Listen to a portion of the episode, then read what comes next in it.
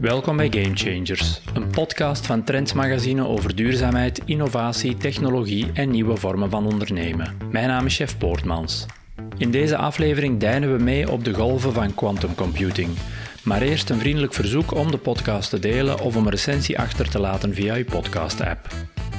In deze aflevering is David de Meijer te gast. David is IT-specialist en werkt al een tijdje rond artificiële intelligentie, maar sinds kort heeft hij zich ook gestort op quantum computing.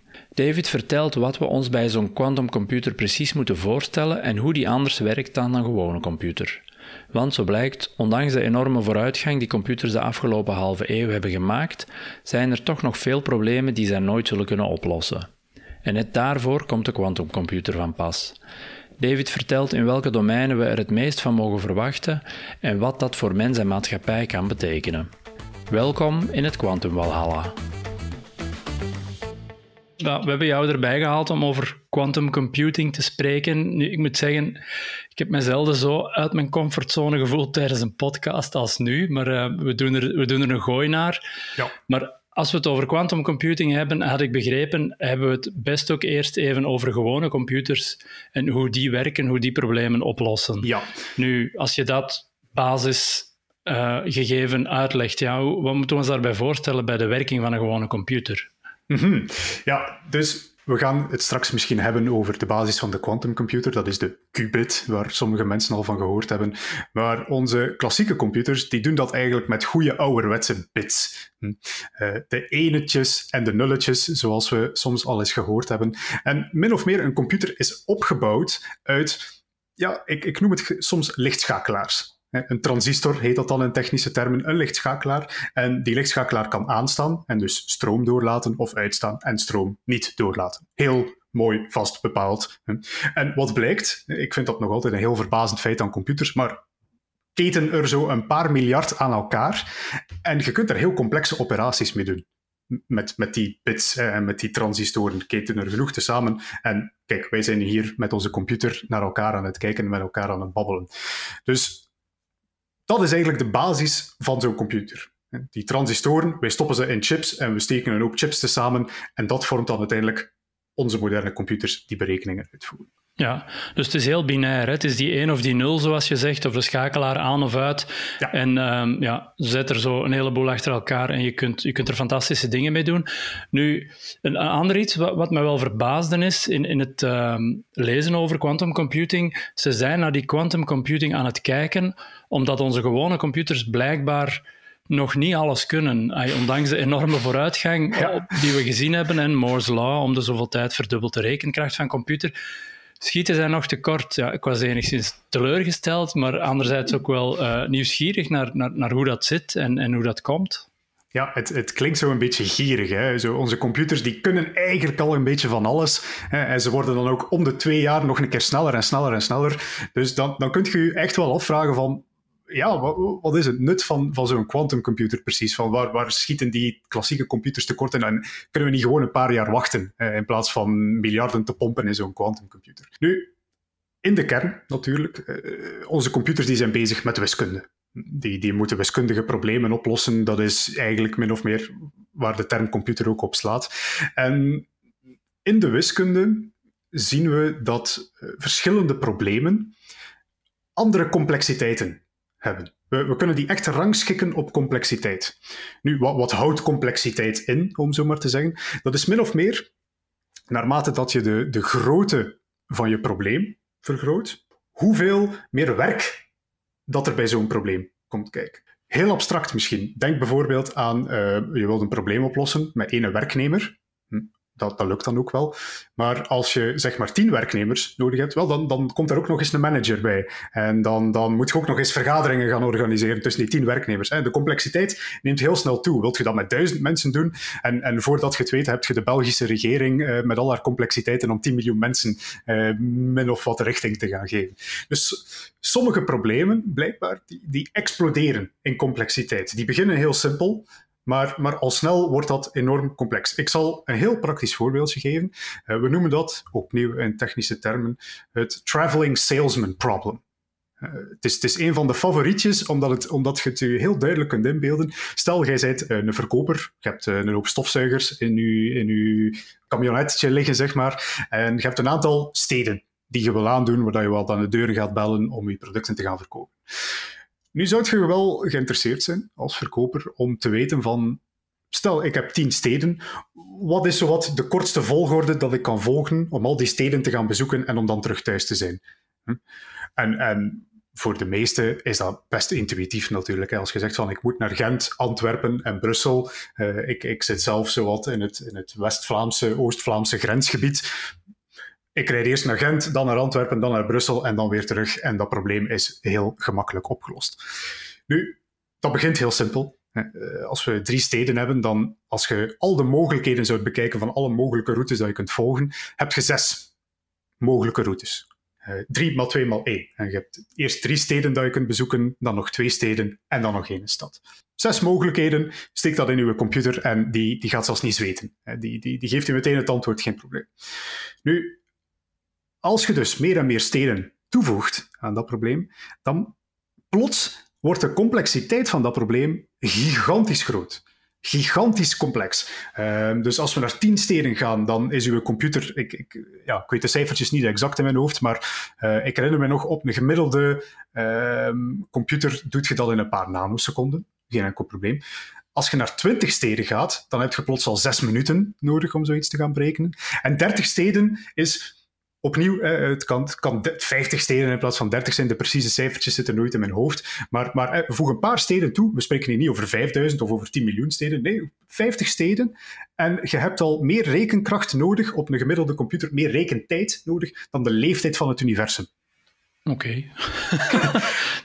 Wat loopt daar plots mis? Is dan de vraag die je zelf kunt stellen. Hè? Dus dat is, dat, is de, dat factorieel probleem. Um, een, een ander heel bekend voorbeeld daarvan is, uh, er, er, is zo'n verhaaltje over de uitvinder van het schaakbord. Ik weet niet of je die ooit gehoord hebt. Met die rijst? Inderdaad, met de rijstkorrels. Hè. En die, die, die gaat naar de, wat is de, de keizer van China of zo. Ja, en die, en die, die zegt van, goh, je mocht elke beloning kiezen dat je maar wilt. Zegt die nederige man, het enige wat ik vraag, is dat je mijn schaakbord neemt met 64 vakjes en je legt één rijstkorrel op het eerste vakje, twee rijstkorreltjes op het tweede vakje en dan telkens maal twee de Chinese keizer is heel tevreden, denkt hem van ik ga er hier heel goedkoop van afkomen. Maar wat blijkt, halverwege dat bord, dat is zoals dat je een rekenmachine doet, en maal 2, maal 2, maal 2, en je drukt een paar keer op die knop, halverwege dat bord zit je al aan meer dan de jaarlijkse rijstproductie van heel China. En als je op het einde van het bord zit, dan heb je genoeg rijst om de hele wereld in een 5 meter dikke rijstlaag te gaan bedekken problemen die exploderen. En ze zijn overal. Ze zijn overal. We kunnen straks misschien nog een beetje spreken over wat we... We willen niet alleen maar handelsreizigers helpen met onze quantumcomputers natuurlijk. Eh, maar alle toepassingen van quantumcomputers hebben iets te maken met die problemen die exploderen, om het zo eventjes te zeggen. Ja, dan komen we eigenlijk al meteen bij de, bij de reden waarom we naar quantumcomputing aan het kijken zijn. Ehm, nu, als we dan gaan kijken hoe zij die rekenproblemen zouden kunnen oplossen, en we leggen de analogie naar de gewone computers, naar uh, de, basisbestanddelen, die bits bij gewone computers, en jij vermeldde daarnet al dat dat bij quantumcomputers qubits zijn. Wat is er dan zo verschil tussen die bits en die qubits? Wat kunnen die qubits meer dan, dan die bits? Hier komt het, het uh, eigenaardigste onderdeel van het hele verhaal. Je, je, je kan ofwel zeggen van oké, ik accepteer het en dan, dan klinkt deze uitleg perfect normaal, maar je mocht er ook niet te veel bij nadenken, want hoe meer dat je erover nadenkt, hoe, hoe gekker dat het begint te klinken. En als je er te veel over nadenkt, dan word je plots een fysicus en dan ben je voor de rest van je leven bezig met nadenken over dit exacte probleem.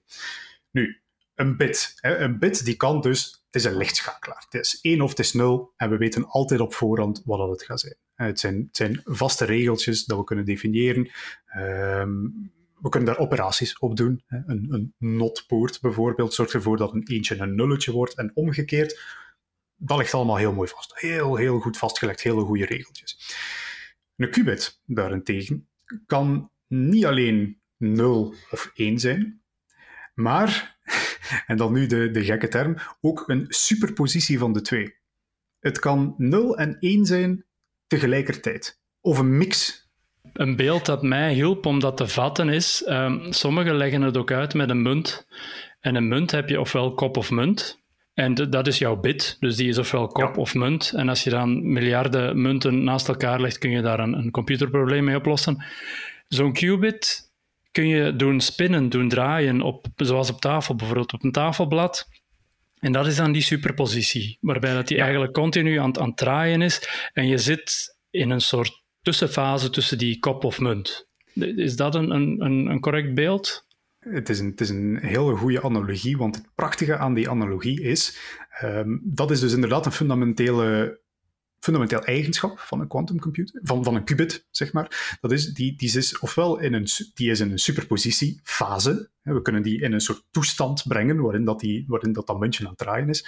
Maar het speciale daaraan is dat als wij een meting doen, als we nu zouden willen weten van oké, we gaan nu een keer echt goed kijken naar die qubit en we gaan een keer uitvogelen van wat, wat is die precies aan het doen, dan wordt die plots terug een klassieke bit. Dus als we die meten, dan is dat altijd een 0 of een 1. dan zien wij nooit dat, dat rare spookverschijnsel tussenin. Als wij een meting doen, dan is het 0 of het is 1.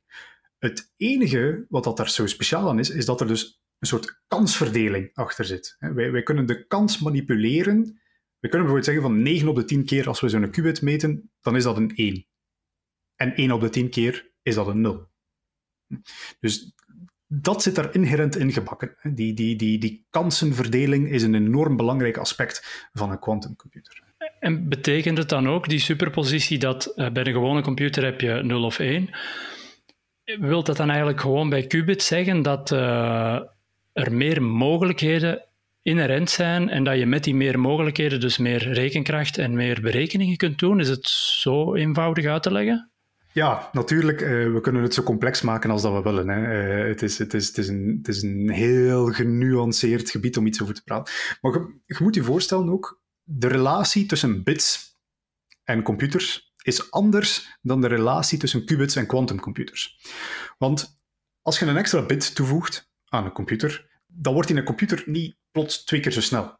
Die, die kan nu een getalletje opslaan. Eventueel als je een extra bit toevoegt, een extra eentje of een nulke, dan kan hij een getalletje opslaan dat twee keer zo groot is. Maar dat betekent niet dat hij in een computer plots twee keer zo snel is. Hm? Het is gewoon het geheugen dat eigenlijk min of meer toeneemt als je bits toevoegt aan een gewone computer. Een quantumcomputer die werkt eigenlijk met al zijn bits tegelijkertijd, hm, al zijn qubits tegelijkertijd. En het speciale aan die quantumcomputer is, het, het, is een subtiele uitleg, maar, maar min of meer, je kan ervoor zorgen dat als je een meting doet op een hoop qubits, ik ga dat nog iets preciezer proberen maken, maar dat als je die meet, dat je een hele goede kans hebt om het beste antwoord te kunnen bekomen.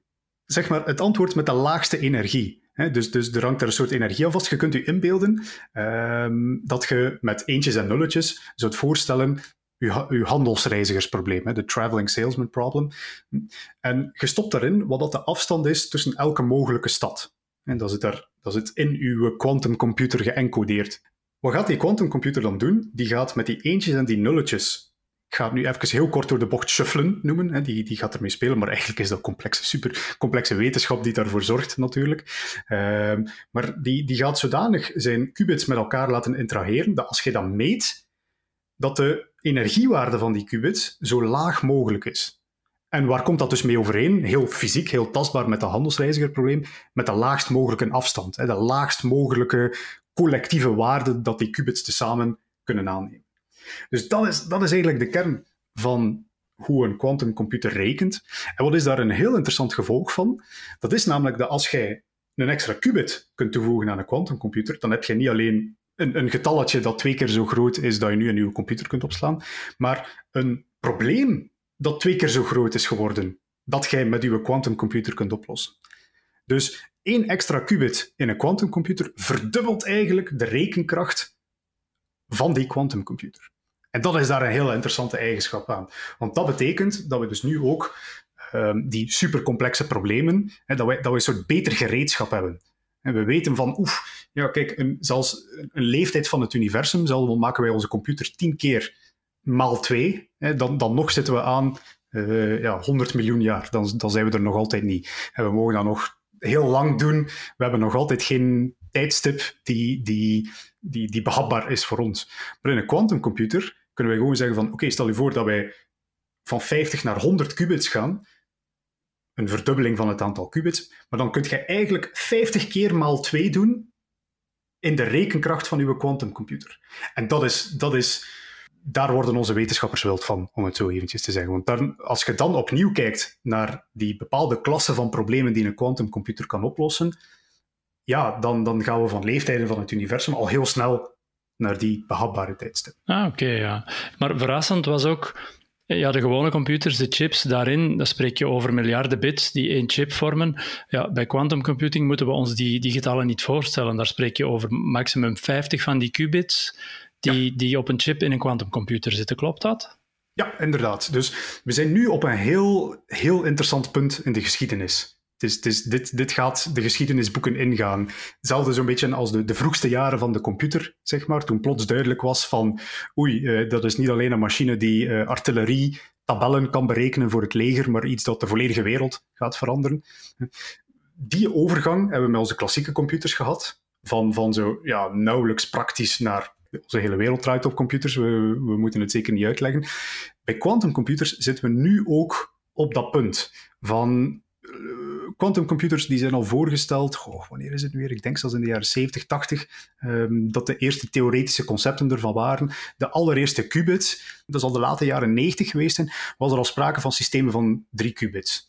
Maar toen al wisten ze van de aanpak die wij nu aan het volgen zijn, daar gaan we het niet meer redden. En dus de, de, daar gaan we misschien naar vier qubits kunnen gaan, naar vijf qubits, maar we, we kunnen het systeem onmogelijk schalen wat zien we vandaag? We, we, hebben nu systemen die veel beter, waar we eigenlijk gemakkelijker extra qubits aan kunnen toevoegen. Het gaat gemakkelijker dan ooit tevoren, waardoor dat we dus nu systemen hebben met een vijftigtal qubits.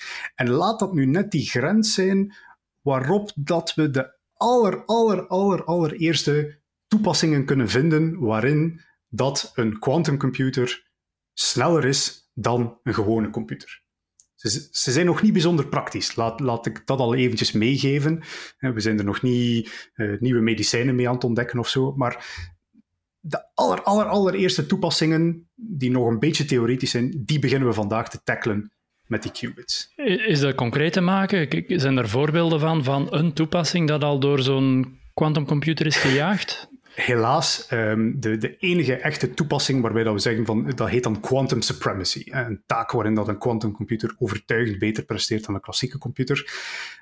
De enige taak waarin dat, dat momenteel gebeurt, is eigenlijk, goh, moeten we een beetje zeggen, een taak die speciaal ontworpen is, min of meer, om een uh, om beter te zijn op een quantumcomputer. Het gaat om het voorspellen van willekeurige ruis. Ik, ik, uh, er is een heel bekende quantum computing researcher, Scott Aronson, kan iedereen aanraden, die heeft een blog ook rond quantum computing, die wat technisch is, maar die met enige oefening wel nog te begrijpen valt, laat we zo zeggen. Um, en iedereen dacht toen van, goh, ja, oké, mooie doorbraak, maar dit is volstrekt nutteloos. Die gast zei van, oh, wacht, uh, ditzelfde algoritme, dat zou je kunnen ombouwen naar een systeem om secuur berichten naar elkaar te kunnen doorgeven. Zelfs die theoretische zaken beginnen al voorzichtig hun weg te vinden naar de praktijk. Waar hebben we wel een goed zicht op? Dat zijn de algoritmes die gaan draaien op die quantumcomputers. Dus we, we weten wel al wat we ermee... Allez, we hebben al enig idee. Nou, we weten nog niet alles. Wij staan nu in de jaren 50. Wie had ooit kunnen voorzien dat we computers gingen gebruiken om, om videospelletjes te spelen, bijvoorbeeld? Dus dat is het punt. Maar we beginnen voor dat te zien. We weten dat er algoritmes zijn die draaien op een quantumcomputer, die bijvoorbeeld um, chemische reacties kunnen simuleren. Iets waar de farmaceutische en chemische wereld, laat, laat ik het um, even understaten, bijzonder geïnteresseerd in is. Op zijn zachtst, zachtst gezegd. Ja, ja, en dat is omdat dat, dat zijn dusdanig complexe dynamieken die, die een gewone computer niet zou kunnen bevatten, maar die wel eventueel binnen het bereik kunnen liggen van zo'n quantumcomputer dan. Ja, dus ik, ik, ik heb niet voor niets dat, dat voorbeeld gegeven van die chemische simulaties. Dus, dus stel je voor, je hebt een medicijn en dat, dat, is, dat, zijn, dat zijn een hoop moleculen, of, of één grote molecuul, afhankelijk van het soort medicijn dat je wilt weten. En wat wilt jij dan natuurlijk weten? Hoe interageert dat bijvoorbeeld met de celwand? Ik ben geen biochemicus, dus ik ga er niet proberen veel verder op ingaan. Maar op, op het absolute basisniveau wat houdt dat dan in? Dat, is, dat zijn twee kwantumsystemen die met elkaar interageren. En ja, de volledige kwantummechanische uitleg zal ik jullie besparen, want dat is, dat is uh, een gesprek van nog een uur of twee. Maar min of meer, elk atoom in die moleculen oefent een invloed uit op elk ander atoom. Het zijn als een soort gigantisch netwerk van veren. Hè, dat het allemaal met veren aan elkaar hangt en die, die balanceren elkaar zodanig dat ze uh, met elkaar interageren. Bijzonder complexe materie. En dat was het eerste. Dat was het eerste waarvan dat mensen dachten van, oh ja, wacht, dat is een kwantumsysteem. Zouden wij niet een soort computer kunnen maken, gebaseerd op de kwantummechanica, en die zouden er natuurlijk geen probleem mee hebben, want die, het is dezelfde aard, zeg maar. Dus, dus heel, heel, heel kort bocht, maar je zou kunnen zeggen, één qubit is één atoom, hè, en dan laat je het met elkaar maar uitvechten. De, realiteit is veel complexer. Hè, maar dat was het originele idee erachter van, kunnen we dat niet op een quantumcomputer gaan doen? En wat blijkt? We hebben dan algoritmes gevonden, wiskundige, net zoals dat wij algoritmes hebben om de grootste waarde uit een lijst te halen op onze klassieke computers. Dat is ook iets waar quantumcomputers goed in gaan zijn, toevallig genoeg.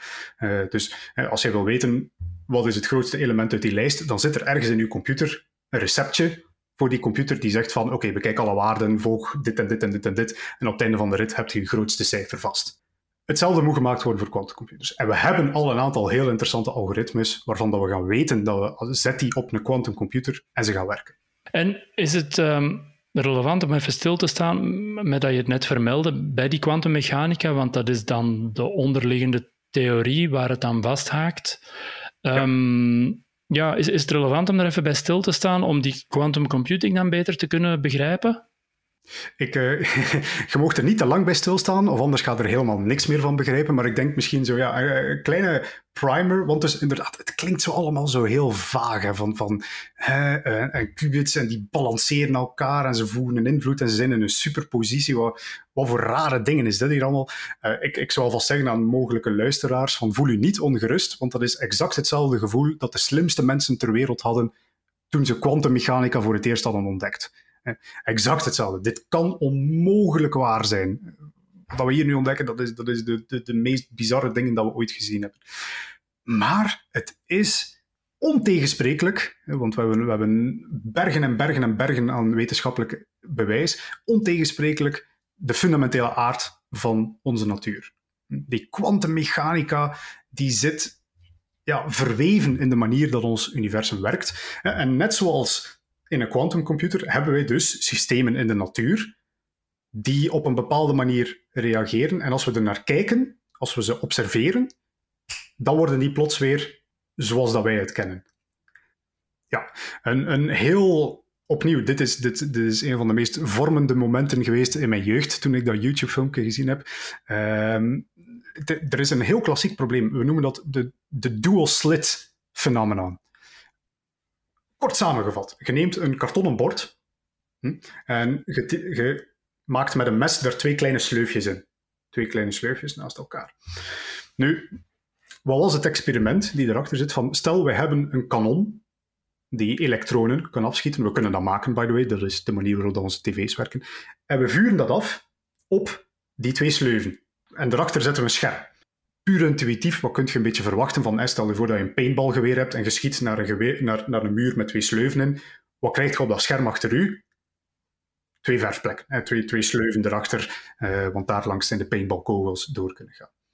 Dat hangt een beetje vast, maar dat is een, een eeuwenoude discussie uit de wetenschap van, zijn wij nu deeltjes of zijn we nu golven? Daar komt het min of meer op neer. Dus moesten het deeltjes zijn, dat, is wat ik nu net heb uitgelegd. Hè. Dit, dat is de paintballkogels die um, gewoon erdoor vliegen en een patroon maken. Maar stel je voor dat we golven zijn. Stel je voor dat alles in het universum bestaat uit golven. Wat krijg je dan? Je moet je proberen inbeelden dat je een bak met water hebt en je stopt dan dat papier erin. Je stopt die twee sleuven erin en je laat een dikke steen vallen in die een bak met water. Wat patroon krijg je? Krijgt zo, zo cirkelvormig uitbreidend golfjespatroon. Maar wat is er uniek aan golven? Het moment dat ze dan die sleuf tegenkomen, is dat alsof dat er een nieuw bronnetje is. dat is zo, je kunt dat proberen in je badkuip, als je wilt. Een experiment dat je gerust is in je badkuip kunt doen. Je zet dat kartonnen bord erin, je laat een steen vallen en je gaat zien, die twee sleufjes, het lijkt alsof dat er daar de hele tijd steentjes in vallen, dus de golfjes komen uit die twee sleufjes. Daar ontspringt een nieuw golvend patroon. Ja, ja. voilà, inderdaad, inderdaad. Zet daar nu een scherm die zo'n beetje meet van hoe hoog zijn de golven die toekomen. En dan krijg je zo een typisch golven interferentiepatroon, heet dat. Want als twee golven elkaar ontmoeten, dan kunnen ze elkaar versterken. Kunnen ze, kunnen ze twee keer zo groot worden samen. Of dan kunnen ze elkaar teniet doen. Dat gebeurt er. Hè. Dus dat gebeurt er in, in zo'n kwantumsysteem. Uh, uh, sorry, in, in zo'n golvensysteem. Nu, zeiden ze dan van laten we dat experiment eens doen met fundamenteel kleine deeltjes. En waar kwamen ze achter? Uh, dat het patroon achter die sleuven is misschien onverwacht iets wat, zijn dat golfjes. Dus raar. Hè? Dus, dus onze, onze atomen, onze elektronen, dat zijn niet zomaar knikkertjes, golven. Opnieuw, we, we kunnen niet te ver gaan of we zijn hier een uur later nog bezig, maar de fundamentele aard van de deeltjes in het universum zijn golfachtig, niet deeltjesachtig. Dus het zijn geen knikkers, het is ja, iets dat een bepaalde probabiliteit heeft. Hè. Het, kan, het heeft een kansverdeling van wat er gaat gebeuren. Het, heeft, het is een andere manier van praten. Maar here's the absolute kicker. Ik ga, niet te veel vloekwoorden gebruiken, maar, maar de, de, de blow your mind van de, van de kwantummechanica, de, de mindfuck, om het dan eventjes, als ik dan toch mag vloeken, van de kwantummechanica, is, oké, zeiden ze dan, maar laat ons nu een keer gaan kijken, wat, wat gebeurt er daar precies? Hoe zorgt dat er precies voor dat die golfjes gegenereerd worden? Want, zij, hebben ze ontdekt, zelfs al vuren we daar één elektron per keer op, dus het is niet dat er veel zijn met elkaar die tegen elkaar kunnen botsen en zo'n golfpatroon doen. Zelfs al doen we maar eentje met een keer, wij krijgen nog altijd dat streepjespatroon, hè, dat rare golfpatroon. Ook al is er eigenlijk niets om tegen te botsen. Dus zeiden ze, we gaan een keer meten welk van die twee sleufjes dat er, dat er eigenlijk een deeltje doorgaat. Dat kan misschien wel een keer interessant zijn. Hè? Kan misschien dat er zoiets raars is. Misschien als ze alle twee tegelijkertijd oplichten. Misschien enkel de linksen, soms een keer en anders een keer de rechtsen, puur toevallig leuk experiment, laat ons een keer zien wat er gebeurt. En wat blijkt? Als wij die meting doen, brengt ons terug naar die quantumcomputer, dan krijgen wij terug het paintball-patroon. Dus het moment dat we een observatie doen, verandert het universum blijkbaar van iets dat op een heel fysieke manier, een heel echte manier, een golfje is. Hè, want het, het, gedraagt zich als een golfje, het, het botst blijkbaar tegen zichzelf, zoals een golfje. Maar het moment dat wij, dat wij echt willen zien van, oké, en laten we nu een keer een meting doen en zien wat er gebeurt, springt het terug naar klassiek. En opnieuw voel u niet slecht dat, u, dat uw verstand nu eventjes aan het koken is. Het is exact wat dat met de slimste mensen ter wereld ook gebeurd is. Geen enkele wetenschapper wil dat accepteren. Wat blijkt nu? Hè? Opnieuw, ik wil graag benadrukken, het is raar, maar er, zijn, er is bergen en bergen en bergen aan bewijs dat dit de werkelijkheid is. Uw computer zou niet werken, moesten wij niet weten hoe dat kwantummechanica werkt. Want we, uh, het probleem dat we nu trouwens ook hebben, de reden dat we niet verder kunnen met onze klassieke computers voor eeuwig, is, is, is ook kwantummechanica. Het is grappig, het is zo de, het probleem en de redding tegelijkertijd. Is namelijk dat hoe kleiner dat we die chips maken, hoe groter dat de kans op een bepaald moment wordt dat zo'n elektron, hè, het is een golfje, dat die niet zomaar in zijn, in zijn baantje blijft, zeg maar, in zijn, in zijn draadje, hè, die, die uh, op weg om allerlei berekeningen te gaan uitvoeren, enzovoort enzovoort, en om switches te gaan omdraaien, uh, dan heeft hij gewoon eens de neiging om te zeggen van, ah, ik zit nu in dat draadje ernaast. Omdat we op die kleine schaal bezig zijn. Omdat op die kleine schaal is, is een elektron een golfje, gewoon, is dat niet zozeer... Uh, als we er van ver naar kijken, lijkt dat een rechte lijn. Het lijkt al alsof dat, dat ding geen andere keuze heeft dan daar te zijn. Maar hoe meer dat je inzoomt, hoe meer dat, dat, dat die quantum-effecten duidelijk worden en hoe meer dat je zo het effect hebt van, ja, die, die is eigenlijk niet exact daar, maar die kan ook een beetje naar links, een beetje naar rechts, een beetje vooruit, een beetje naar achteruit zijn. En dat zorgt voor allerlei problemen in onze computers. Dus dat, dat maakt dat nieuwe processors maken vandaag de dag. Dat, dat, Intel zit vol met kwantumwetenschappers, om, om, omdat die dat probleem moeten begrijpen om nog chips te kunnen maken die gewoon niet volledig in het honderd draaien. Maar om het dan terug naar quantum computing te brengen, hetgeen je net komt te vertellen over kwantummechanica, dat gaan wij ook met die quantumcomputers hebben, heb ik begrepen, dat we we gaan er input in kunnen insteken en daar gaat output uitkomen, maar wij gaan nooit exact kunnen weten wat er dan binnenin gebeurt. Klopt dat?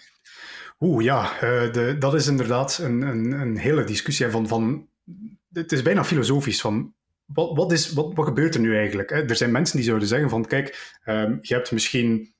Iedere keer als een meting doet, dan splitst het universum zich in twee.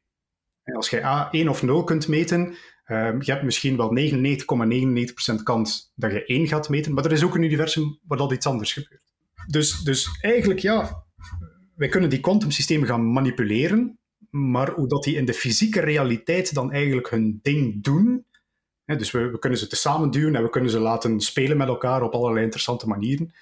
Maar op een fundamenteel manier begrijpen wij niet wat dat er precies gebeurt. Dus zolang dat het een heel inherent ook trouwens aan die kwantumsystemen, is dat die enorm moeten afgezonderd worden, enorm geïsoleerd, op enorm koude temperaturen moeten kunnen werken. Want bij het minste, het, de minste perturbatie valt zo'n systeem uit elkaar. dus dat is iets heel, heel delicaat. Het moment dat, dat de buitenwereld zich moeit in dat systeem, dan, dan valt het volledig uit elkaar. Dan voelt dat systeem zich geobserveerd. Ja, is het dan ook momenteel, las ik ook, het is nog meer vatbaar voor fouten dan, dan gewone computers, klopt dat? Ja, absoluut. Um, opnieuw, het kan zomaar halverwege de uitvoering van je programma zijn dat er iets gebeurt met je kwantumsysteem en dat ze er geen zin meer in hebben.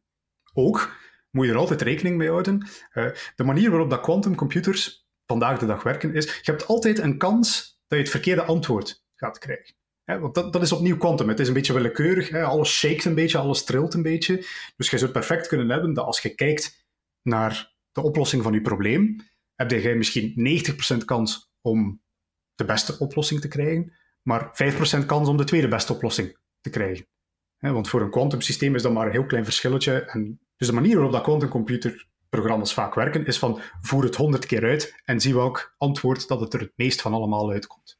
En dan sprekende over die toepassingen, want je hebt er daar net eentje gelegd, eh, verteld over die ehm, natuurlijke simulaties, eh, of natuurlijke processen kunnen simuleren. Zijn er zo nog andere waarvan je denkt van daar is het voor geschikt of daar is men al aan het werken om het, uh, om het die richting op te krijgen? Laat ik uh, misschien beginnen met de saaiste en tegelijkertijd de meest bekende toepassing van quantumcomputers. Want daar gaat je af en toe nieuwsartikelen over lezen. Dat is namelijk dat die quantumcomputers enorm goed zouden zijn in het breken van de wiskundige problemen die aan de basis liggen van onze encryptie. Trouwens, dat is een kleine nuance dat ik misschien nog moet uh, meegeven aan zo'n probleem, is dat het, uh, het vinden van de beste oplossing vergt heel veel tijd, maar het controleren van de oplossing, dat is heel gemakkelijk traveling salesman probleem. Hè. Het vinden van de kortste route is heel moeilijk. Maar nadien kun je wel heel gemakkelijk zeggen van, ah ja, dus van daar naar daar, dat is 100 kilometer, plus 200 kilometer, plus 350 kilometer. Ah ja, in totaal 1100 kilometer of zo. Hè. En dan kun je eventueel een keer op je klassieke computer kijken, zien of dat die met een beter antwoord komt. En dan ga je merken, hoogstwaarschijnlijk met een hele hoge kans van, ah mijn oplossing is nog altijd beter. dus dat, dat is zo dat soort problemen van, uh, en dat is ook de basis van encryptie. Dus jij, hebt een enorm moeilijk probleem, min of meer. Uh, ik, ik, zal het misschien kort eventjes uitleggen, we noemen dat factorisatie. Elk getal kan uitgedrukt worden als een uh, vermenigvuldiging van priemgetallen. Uh, eh, 6 is bijvoorbeeld 2 x 3. 15 is 3 x 5. dus elk getal kun je uit elkaar halen tot als er alleen maar priemgetallen overblijven. Als ik aan u vraag, hè, wat is de priemfactorisatie van 15, kun jij met een beetje denkwerk 3 x 5 waarschijnlijk zeggen. Als ik u vraag, Ehm, wat is de primfactorisatie van een onnoemelijk lang cijfer, 100 miljoen uh, digits erin. Je moet er zelfs niet aan beginnen. En zelfs voor een computer is dat ongelooflijk moeilijk. Maar anderzijds moest ik u zeggen van, hier zijn de primfactorisaties, dan moet je maar je rekenmachine pakken en zeggen, ah, uh, 2, maal 3, maal 5, maal 11, en dan ga je op het einde van de rit, ah ja, inderdaad, dat is dat getal met 200 digits. Dat is de basis van encryptie dus dat je een heel moeilijk probleem hebt, maar je kunt wel het antwoord weten. dus dat is je geheime sleutel en zo kunt je eigenlijk bestanden openen.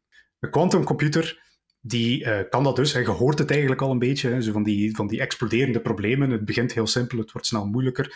Wij hebben dus een algoritme gevonden, Shor's algoritme, die op een quantumcomputer draait en die dus met, met encrypties, waar dat onze klassieke computers duizenden jaren mee op weg zijn, kunnen zij in enkele seconden doen. Dus dat, daar hoort iedereen van by the way. Uh, dus dat, is zo eentje dat het meest in het nieuws komt, zo het horrorscenario van oeh, al onze geheimen, al onze banken uh, gaan gekraakt worden door de toekomst van de quantumcomputer. Nu, waarom vind ik dat eh, geen terechte angst? Hè? Waarom vind ik dat de saaiste?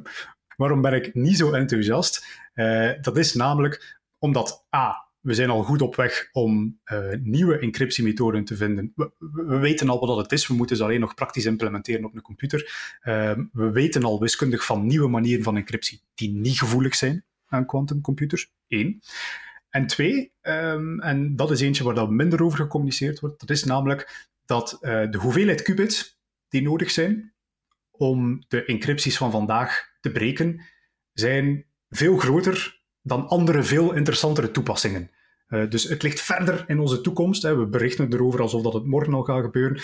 Maar terwijl we bijvoorbeeld spreken over een hele interessante toepassing, zoals nieuwe geneesmiddel, meteen wel iets over zeggen, dat is honderden qubits.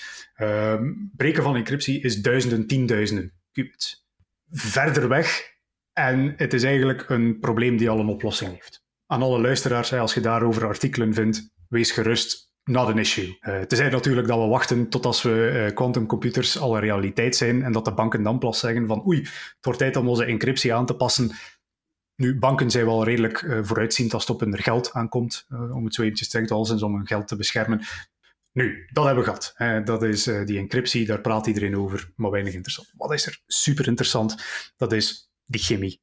Om maar bijvoorbeeld te zeggen, een van de meest gebruikte voorbeelden daarvan is de, de chemische reactie die wij gebruiken om kunstmest te maken. Onze volledige wereld draait erop, by the way. Het feit dat wij nu boerderijen kunnen hebben waar er twee keer zoveel groenten uitkomen als anders, zorgt ervoor dat wij niet meer elke winter massaal uh, eronder uitgaan.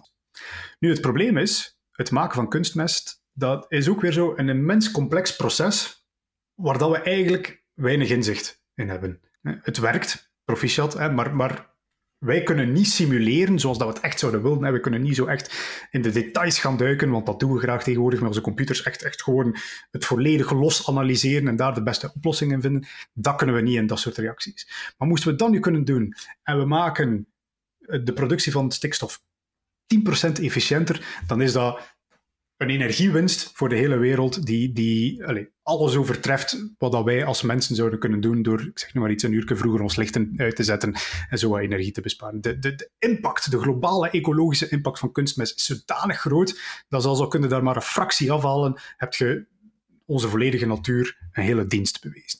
Dus dat is op een heel low-level manier. En, en zo zijn er zo nog veel dingen. Hè. Materialen, nieuwe materialen onderzoeken. De, de, de dingen, de uh, batterijen in uw gsm, dat is topwetenschap, om maar eventjes te zeggen. Hè. Dus dat is niet zomaar iemand die, die I don't know, een hoop Duracell-batterijen een beetje te samen duwt enzovoort. Hè, daar, daar, is, daar, daar, daar wordt wetenschap op gedaan op het meest fundamentele niveau, om daar echt nog van die hacks te gaan vinden, om toch nog een iets betere batterij te hebben dan, dan uw tegenstander, zeg maar.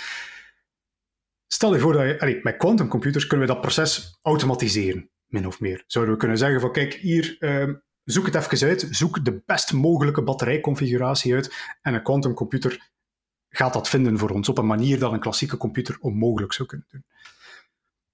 Dus die chemie, ja, het klinkt bazaal, maar het heeft zijn tentakels in onze volledige maatschappij. Alles wat je maar kunt bedenken. Betere metalen voor onze wagens, voor onze vliegtuigen enzovoort enzovoort. Dus, dus de, de impact daarvan is gigantisch. Nu, op een veel meer praktisch niveau spreken we dan ook over geneeskunde. Want geneeskunde, hè, dat, is dat is het voorbeeld die ik gebruik bij de mensen, want dat is degene die blijft plakken. Uh, geneeskunde is vandaag de dag ook gewoon trial and error. Hm. Waarom doen wij dierenproeven vandaag de dag? Is gewoon omdat we het, we kunnen het niet in een computer steken. Konden we dat in een computer steken, hoe dat een medicijn reageert met menselijk weefsel bijvoorbeeld? Wel, dan is het gemakkelijk. Hè? Dan, dan zeggen we gewoon van hier 5 miljoen computers. Hè?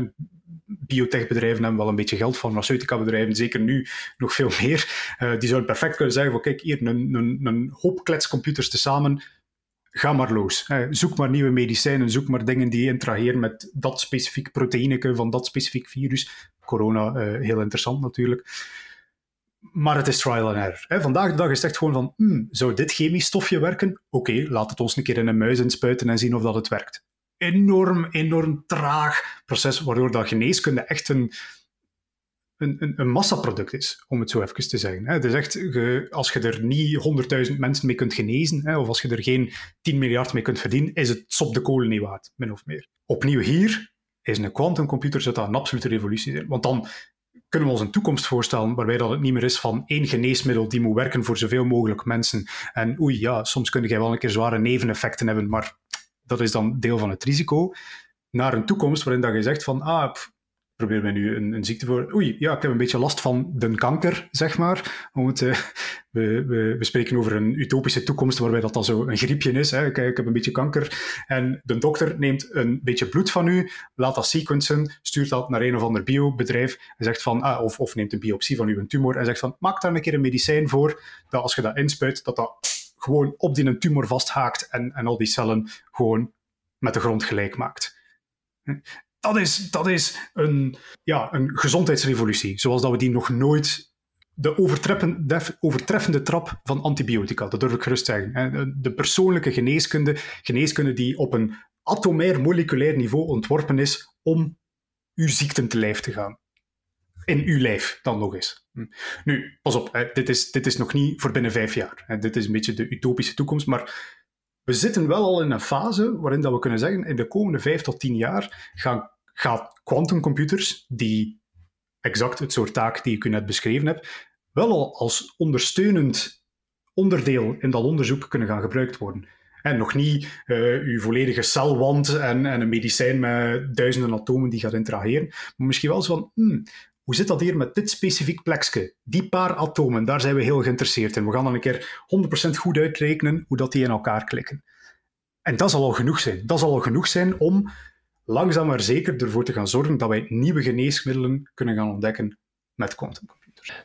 Jij persoonlijk, waar verwacht jij het meeste van als je een beetje vooruit kijkt? Want jij zit er, jij, zit er vanuit, jouw, uh, vanuit jouw job in. Um, waar, waar verwacht jij het meeste van en, en wanneer? Het is dan nog best interessant, want er is een derde categorie die heel nauw verbonden is met wat ik eigenlijk dagdagelijks doe om mijn boterham te verdienen. Dus misschien een, een, een kleine persoonlijke toegeven. Ik ben, ik ben geen fysicus, ik ben niet in de quantum computing wereld begonnen, maar ik ben vooral bezig met artificiële intelligentie. Hm. En hele korte primer, maar min of meer, artificiële intelligentie. Ik weet niet of dat mensen nooit al gehoord hebben van een neuraal netwerk. Zowat, het komt erop neer, je hebt een soort netwerk Hm, met, met banen tussen uh, verschillende nodes waar dat je data door gaat gaan sturen. En, en je wilt de beste mogelijke waarden vinden, zodanig dat als je daar, ik zeg nu maar iets, een hoop foto's van katten doorstuurt, dat dat neuraal netwerk op het einde zegt van dit is een kat en dit is geen kat. Een optimalisatieprobleem heet dat dan. De beste mogelijke set van waarden vinden om eh, echt een bepaald probleem te gaan tackelen. Computers vandaag de dag hebben daar heel moeilijk mee. Hè. Dus we hebben echt een, een beest van een computer bij ons op kantoor staan, die uh, ja, eigenlijk bijna brute force gewijs, dus het is een beetje een, allez, het is slim wiskundig gedaan, maar bijna brute force gewijs de beste set van die waarden probeert te vinden. Optimalisatieproblemen is, is ook weer een, een tak van problemen die overal in onze maatschappij zitten. Um, wat is uh, de beste set van aandelen die jij kunt nemen. Die, ja, uh, daar, staat, daar zit er veel op te wachten als je, als je daarmee kunt komen. Het, het klinkt uit de lucht gegrepen, maar ook in de financiële wereld zijn er effectief al quantum-algoritmes die dat kunnen gaan berekenen. Dus die optimalisatieprobleem, dat is ook weer zo, het, het klinkt enorm bazaal als chemie verbeteren, maar een computer die heel goed is in het oplossen van optimalisatieproblemen, is ook een computer die heel goed is in het maken van AI-systemen. AI is, is een enorm booming business vandaag de dag. Um, is, is een computer die heel goed financiële beslissingen kan nemen. Is een computer die heel goed beleidsbeslissingen misschien kan nemen. Dus die, die, die derde familie. En we weten daarvan ook op, op wiskundig, op softwareniveau kan het. De programma's staan al klaar. We zijn enkel nog aan het wachten op de, de hardware. Die derde categorie, die, die zou misschien wel een keer de, ja, de meest verregaande implicaties van allemaal kunnen hebben. Een totaal nieuwe financiële wereld, artificiële intelligentie op een schaal waar dat we vandaag de dag alleen nog maar van kunnen gaan dromen. Uh, dus, dus daar zijn we nog, dat is zo het minst tastbaar van de drie, maar misschien wel degene met de grootste impact. Als je mij vraagt naar een termijn, zeker in die derde familie, ik kan u nog niet zeggen. uh, we, we, hebben al een paar basisexperimentjes gedaan rond artificiële intelligentie en quantum computers. En dat lijkt zo interessant te zijn en de goede richting uit te gaan, maar we zijn het nog niet zeker. Maar op vlak van chemie is er een redelijke overtuiging dat wij de komende vijf tot tien jaar, zoals ik gezegd heb, de eerste toepassingen gaan zien van een quantumcomputer die effectief praktische problemen oplost. En die niet zomaar een, een speelgoedprobleempje oplost, dat we ook met onze gewone computers zouden kunnen doen als we willen, maar die echt fundamenteel nieuwe dingen aan het doen is met een quantumcomputer. Maar er is nog één laatste bemerking om daarbij te plaatsen. Ehm, de reden dat onze huidige computers zo snel zijn geëvolueerd, hè, dat, dat, wij, dat wij op 40 jaar zijn gegaan van een bak die een hele ruimte vult naar, ja, in, in, in mijn gsm hier, waar meer rekenkracht in zit dan de computer die op de maan is geland. Die, die, die fantastische evolutie is alleen maar mogelijk omdat wij de transistor ontdekt hebben. En die transistor die hebben we nog niet in onze quantumcomputers. Dus er zijn een aantal verschillende natuurfenomenen waarvan dat wij denken van hé, hey, dat is kwantum, dat doet kwantum dingen en als we er naar kijken, dan wordt dat één van de twee. Dus er zijn een hoop kandidaten die dat allemaal doen. Het is simpelweg nog een, een goede kandidaat vinden dat als we zeggen van oké, zetten we er nu 100 naast elkaar of 200 naast elkaar of 400 naast elkaar, eigenlijk, eigenlijk is dat hetzelfde probleem. Eigenlijk wordt dat niet zoveel complexer. Dat is de gouden graal. Dus wat we vandaag aan het doen zijn, dat gaat oké. Daar gaan we nu naar 50 en er zijn wel perspectieven om dat zo in het 100 qubit gebied te krijgen. Maar vraag niet aan een kwantumwetenschapper van en hoe zou je er nu 10.000 doen? Want dan gaat hem zeggen van wow, daar droom ik zelfs nog niet van in mijn wildste dromen. Hè. Maar moesten we plots iets vinden, moesten we plots een of ander exotisch kwantumsysteem vinden waarbij dat, dat wel kan, dan kan het van vandaag op morgen plots hè, van, van 10 naar 100 naar 1000 naar een miljoen qubits misschien gaan. Dus het is een soort sluimerende reus. We zien dat de ogen langzaam opengaan. De, de, de technologie begint langzaam maar zeker praktisch te worden. Maar het zou zomaar een keer kunnen dat we daar uh, een, een, een, gloeiende staaf in het achterste steken en dat het, dat het plots allemaal uh, wakker wordt en allemaal explodeert in, in, een, in, een, ja, in een flits, zeg maar. Dus daarom als je artikelen vindt over zo'n nieuwe ontdekkingen van dingen die quantum-eigenschappen heeft, standaard gaat er altijd bij staan. Dit heeft ook misschien toepassingen in uh, quantum computing. Omdat ze allemaal hopen van, oeh, man, dan gaat mijn funding plots van 1000 euro per maand naar uh, een paar miljard euro per maand. Want dan zijt je goed geplaatst. Ja, ja, ja, maar alleszins interessante ontwikkelingen om, om naar vooruit te kijken. Uh, maar voor nu gaan we het hier wel laten, denk. Maar je bent heel hard bedankt toch om jouw inzichten daarin al over te geven en als een kleine inkijk te geven. En um, ja, wordt vervolgd, denk ik, hè, ongetwijfeld. Zeer graag gedaan. Dus moesten er mensen zijn en ze kunnen mij altijd vinden met nog vragen rond quantum computing. Ze mogen mij altijd een berichtje sturen en dan zal ik dat met veel plezier beantwoorden. Tot zover deze aflevering van de Game Changers podcast. Bedankt voor het luisteren. Aarzel zeker niet om hem te delen op sociale media of om een recensie achter te laten via uw podcastplatform.